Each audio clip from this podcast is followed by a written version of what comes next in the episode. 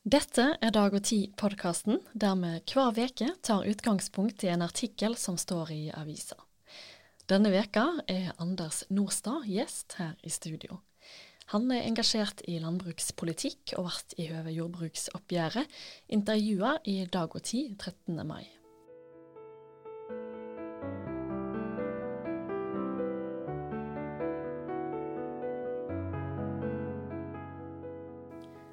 Velkommen, Anders Snorstad. Takk. Du er siviløkonom, landbruksdebattant og tidligere landbrukstopp. Og du var òg generalsekretær i eh, Norsk bonde- og småbrukerlag, men du gikk av etter bare 14 måneder i mars i år. 13. mai så ble du intervjua i Dag og Tid i høve jordbruksoppgjøret. Og denne veka så er du gjest i podkasten vår for å snakke om ditt syn på landbrukspolitikken i Norge. Hvorfor er du så opptatt av jordbrukspolitikk? Det er mulig jeg mangler fantasi, men jeg klarer ikke å forestille meg noe som er mer viktig enn den maten vi skal spise, rett og slett. Og det er vel det som gjør at jeg brenner så voldsomt for det. Um, hvordan denne maten produseres, hvor den produseres, er utrolig viktig. Og jeg selv kan ikke lage mat. Jeg kan lage en matrett Ja. hvis jeg går i butikken og kjøper noe ingredienser til den. Men selve produksjonen av mat er jo basert på fotosyntesen, og den er det bønder som kan. I intervjuet i Dag og Tid så, så avslutter du med å si at mange tror at jordbrukspolitikk er fryktelig komplisert, og orker ikke å følge med på det. Mhm. Hva er det vi bør vite om jordbrukspolitikk? Det aller viktigste å huske på er at uh, vi har ikke en jordbrukspolitikk for bøndenes skyld. Vi har det for vi som trenger mat hver dag, gjerne to, tre, og gjerne også fire-fem ganger om dagen. Det er derfor vi har en uh, landbruks- og matpolitikk. Og så er det jo sånn at skal vi få produsert noe av denne maten i Norge, så trenger vi jo norske bønder. Uh, og arbeidet deres må være også økonomisk bærekraftig, eller så forsvinner det. Ting som ikke er økonomisk bærekraftig, forsvinner. Men eh, målet med jordbrukspolitikken er å sikre tilgang på ren, trygg, gjerne smakrik og næringsrik mat til den norske befolkningen. Og til det trenger vi, trenger vi bønder. Og jeg tror nok ganske mange, kanskje også enkelte bønder selv, eh, ikke reflekterer så mye over hva som egentlig er målet med at vi har en politikk på dette området. Altså, personlig så tenker jeg med en gang at jordbruksoppgjøret og jordbrukspolitikken der er for bøndene. Mhm. Ja. Det er en ganske vanlig, kan jeg si, misoppfatning. Ja. Nei, bøndene er, eh, er et premiss, ikke et mål. Det er ikke målet for jordbrukspolitikken at bøndene skal ha noe å gjøre. Like lite som det er et mål for helsepolitikken at leger og sykepleier skal ha noe å gjøre. Men når vi først har bestemt oss for at vi skal ha en politikk på området, som vi heldigvis har, da, så trenger vi bøndene. Akkurat som vi trenger sykepleiere. Hvis vi går videre til å se på hva type landbruk som du ser for deg at Norge burde ha, og hvorfor. Eh, for du mener at det er behov for en snuoperasjon i norsk landbruk. Hvordan er det du ser for deg, eller ønsker, at norsk jordbruk skal se ut? Nei, For å svare på det, så tror jeg nesten jeg må gå litt på, innom uh, dette med effektiviserings- og effektiviseringskravet. Uh, og det, det, det, er jo noe som gjelder i alle næringer, at man stadig må bli flinkere og mer effektiv. Og sånn sett så er det jo kanskje bare rett og rimelig at det samme gjelder for jordbruket. Men, men jordbruket er faktisk litt annerledes i og med at vi, det hele er basert på fotosyntesen, som sagt, og planteproduksjonen. Og fotosyntesen går ikke fortere ved at uh, fjøset blir større, f.eks. Så det er, det er veldig begrensede egentlig stordriftsfordeler, eller skalafordeler, i jordbruket. Så måten norsk jordbruk hovedsakelig har møtt dette kravet med effektivisering om, er jo, er jo å erstatte arbeidsinnsatsen med kapital, altså maskiner osv. Og så er det å importere en mye større andel av innsatsfaktorene. Altså kraftfôr, gjødsel, eh, diesel, alt som skal til for å produsere mat. Men det gjør at matproduksjonen stadig blir mer og mer løsrevet fra det som er ressursgrunnlaget vårt i Norge. Altså de plantene vi kan produsere i Norge, det er, det er korn, gress, grønnsaker av ulike sorter, på en måte. Det er jo det vi kan produsere i Norge. Så jordbrukspolitikken de siste årene, de har, den har favorisert stordrift? Ja, det er jo den retningen man har ønsket å gå. Nettopp fordi at det er mer effektivt med stor bruk. Ja, men virkeligheten viser at de stordriftsfordelene eh, for det første er veldig små, i, særlig i et land som Norge, hvor vi har 3 eh, dyrka jord, og den jorda, den ligger der den ligger. Den flytter ikke på seg en centimeter. Så det innebærer jo ofte at istedenfor at uh, de enkelte gårdene utnytter de ressursene som tilhører gården, så blir man på en måte tvunget til å skaffe seg mer jord.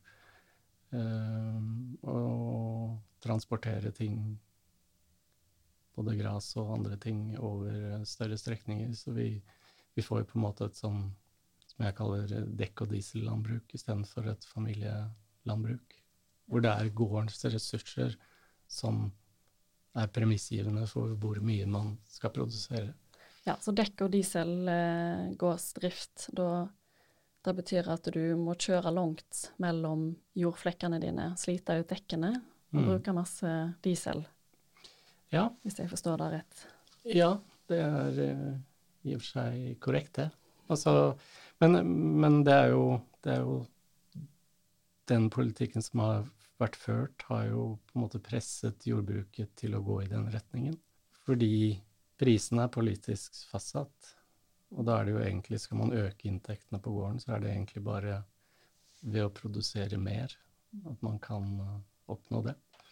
Og så er det jo en del Skal man investere i teknologi som f.eks. melkerobot eller andre, andre ting, så krever det et visst volum sånn som uh, systemet har vært lagt opp. Og da, da, da, blir det på en måte en litt sånn selvoppfyllende hypotese, på en måte. Det er, det er den veien det må gå.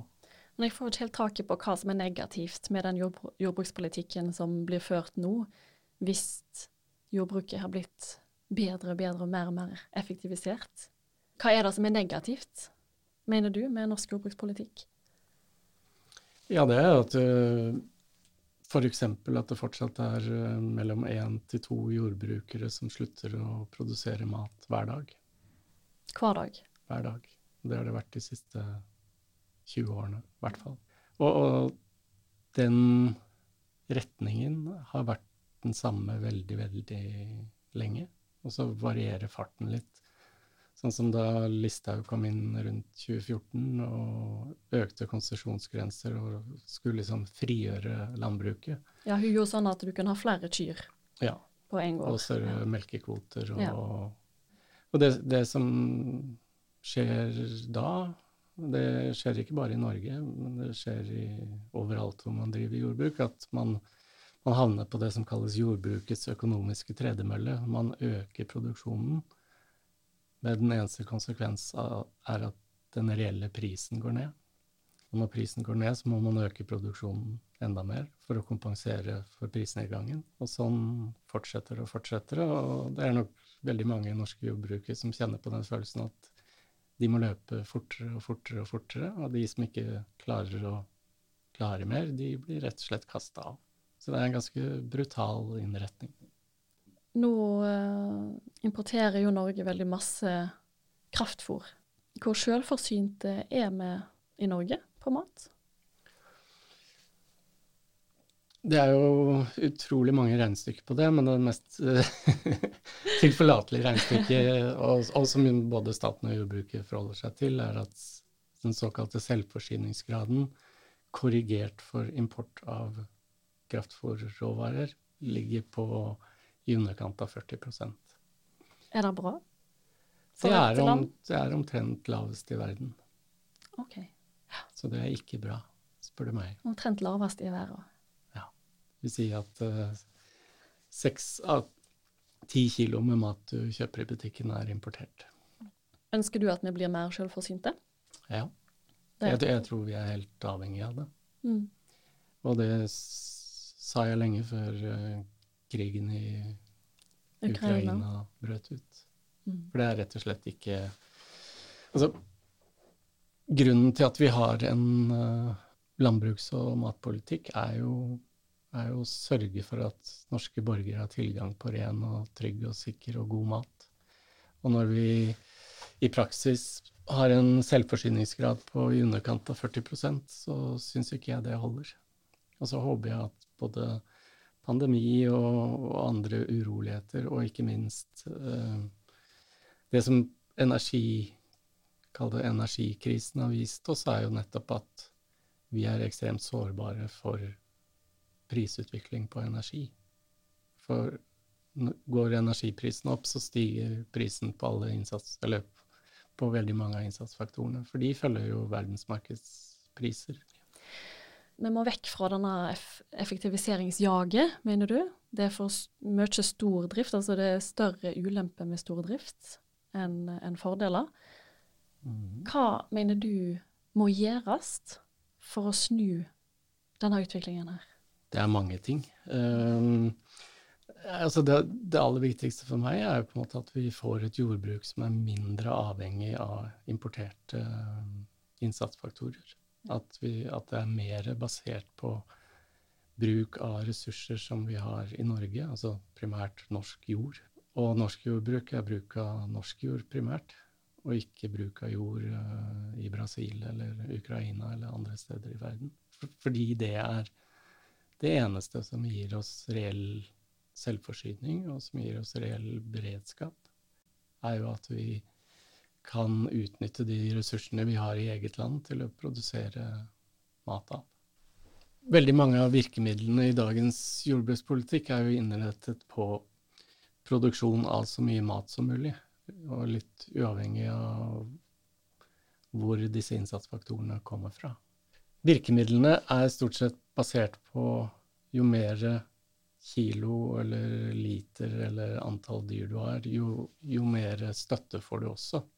Så det var på en måte Prisen innbyr jo til å produsere størst mulig volum, og mange av virkemidlene eller støtteordningene som er i jordbruksavtalen, er også innrettet på det. Og dermed så blir jo på en måte den eneste farbare vei er å produsere større og større volum.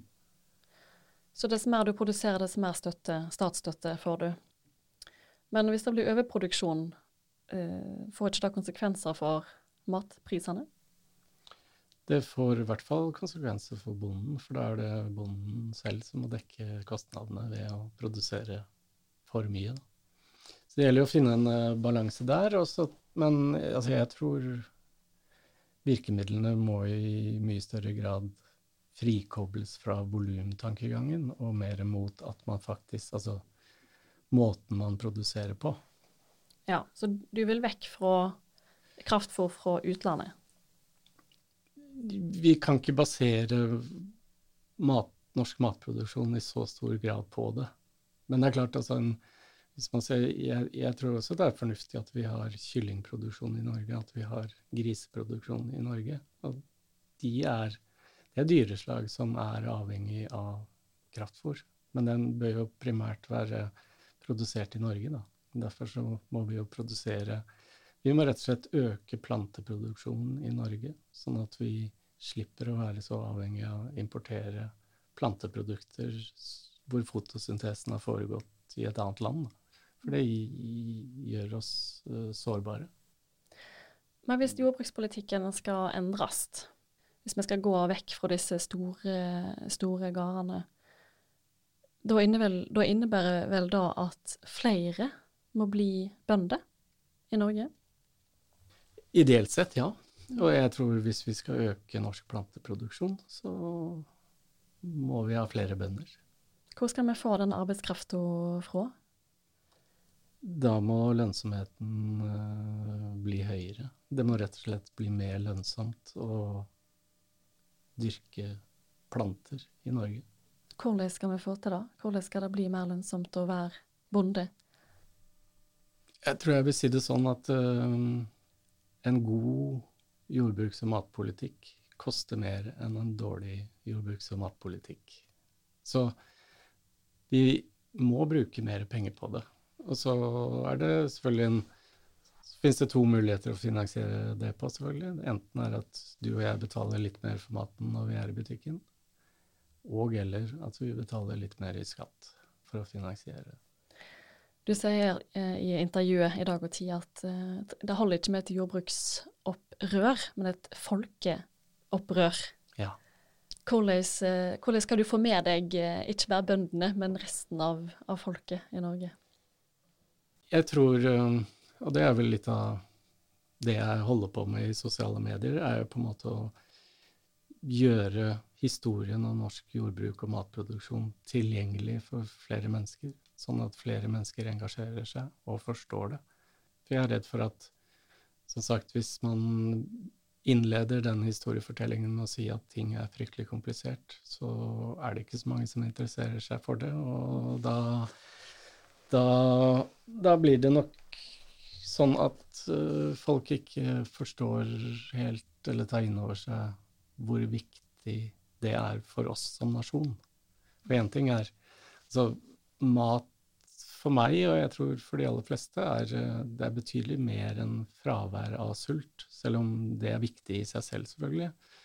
Men mat er uh, historie, kultur, tradisjon, kompetanse, identitet, stolthet. Jeg pleier å si at et, et land uten egen matproduksjon er en selvmotsigelse. Det er, det er som et land uten grenser.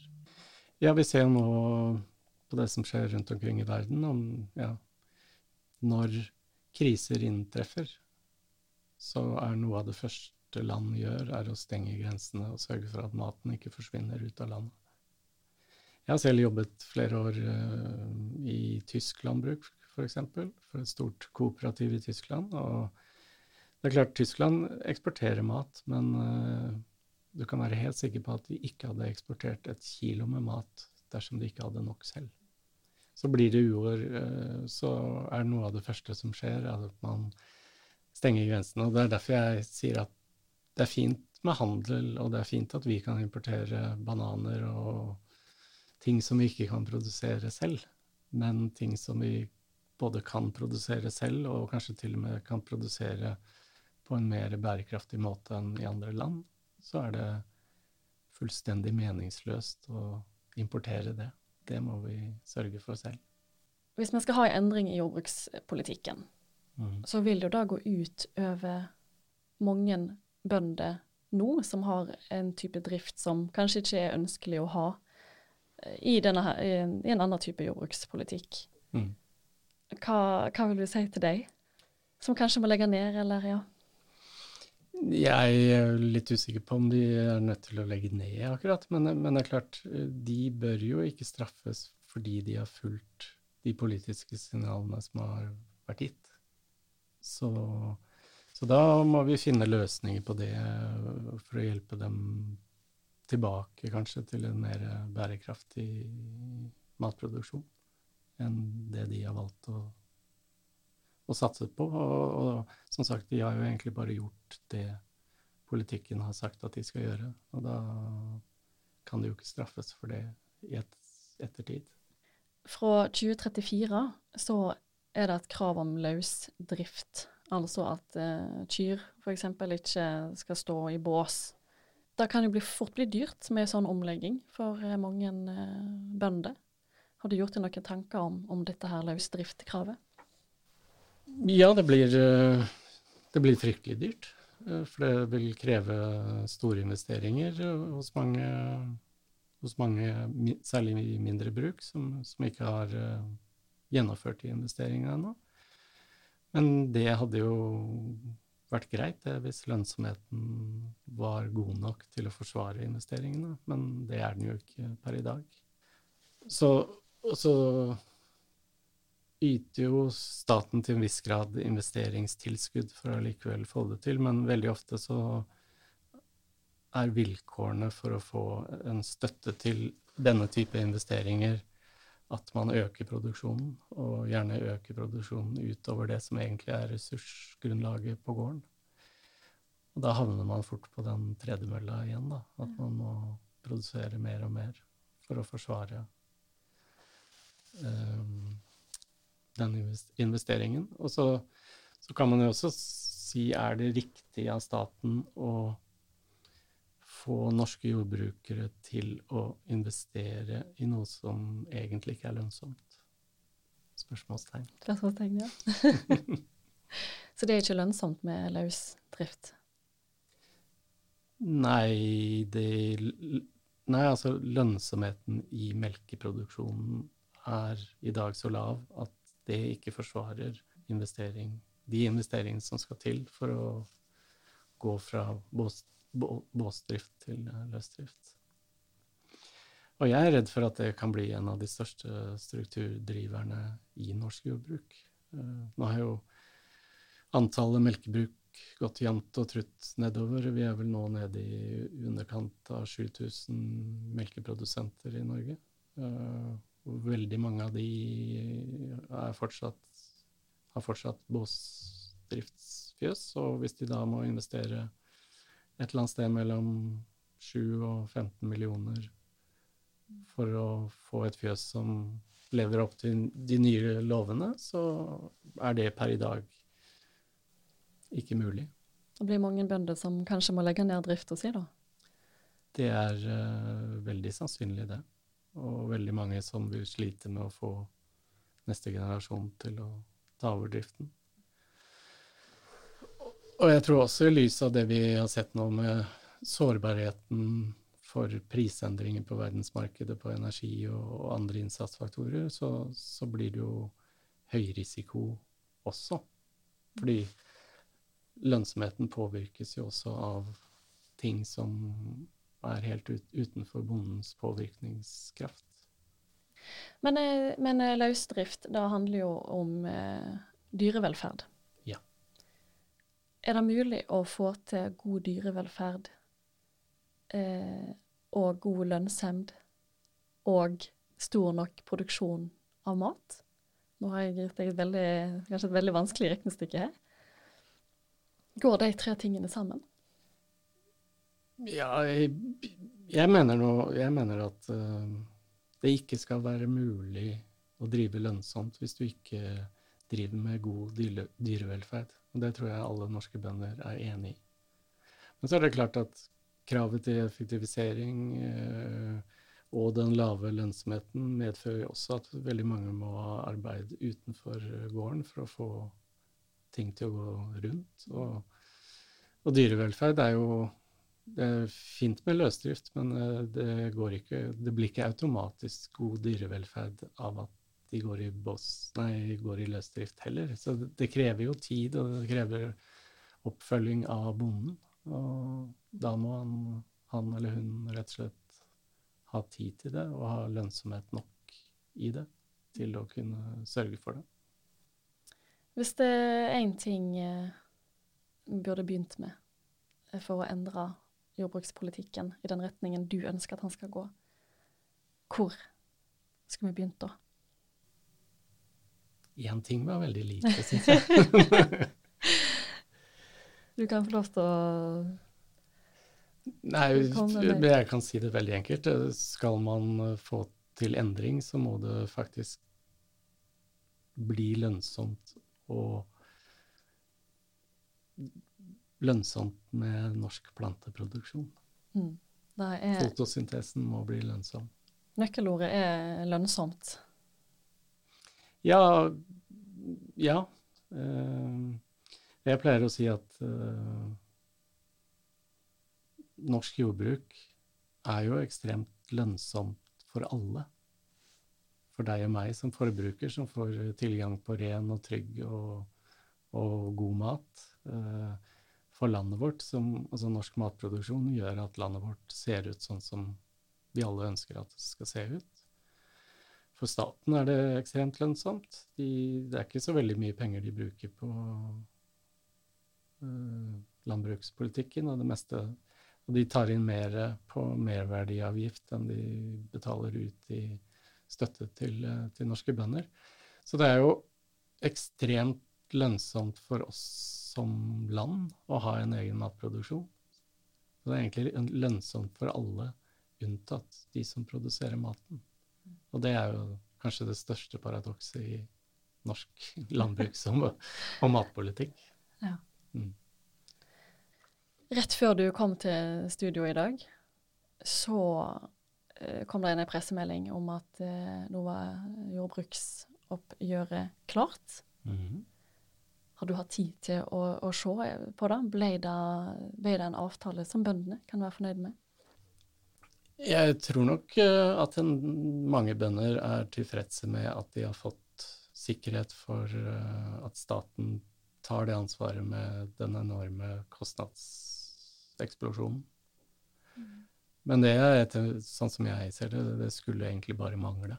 For det er, det er staten selv som har ønsket utviklingen i norsk jordbruk den, den veien, og som har gjort at vi er sårbare for prisendringer på energi og på alle andre innsatsfaktorer. Så spør du meg, så skulle det jo bare mangle.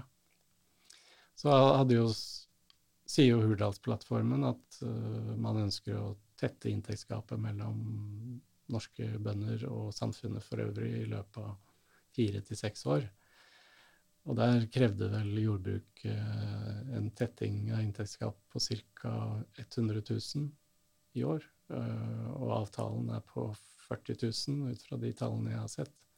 Og hvis vi sier at det reelle inntektsgapet er et eller annet sted mellom 300 000 og 400 000, så er jo ikke 40 000 all verden i tetting. Altså, da tar det mer enn, betydelig mye mer enn fire til seks år før det inntektsgapet er tettet. Det som kanskje bekymrer meg lite grann, er jo at når det står på Aftenposten eller VG eller andre aviser, så står det bøndene får 10,9 milliarder kroner. Det høres jo ut som sjukt mye penger. Og det er ikke sikkert at folk flest innser at uh, mesteparten, nesten 80% av det, er egentlig bare kostnadsdekning. Og har ingenting med inntekten og inntektsøkningen til den norske bonden å gjøre.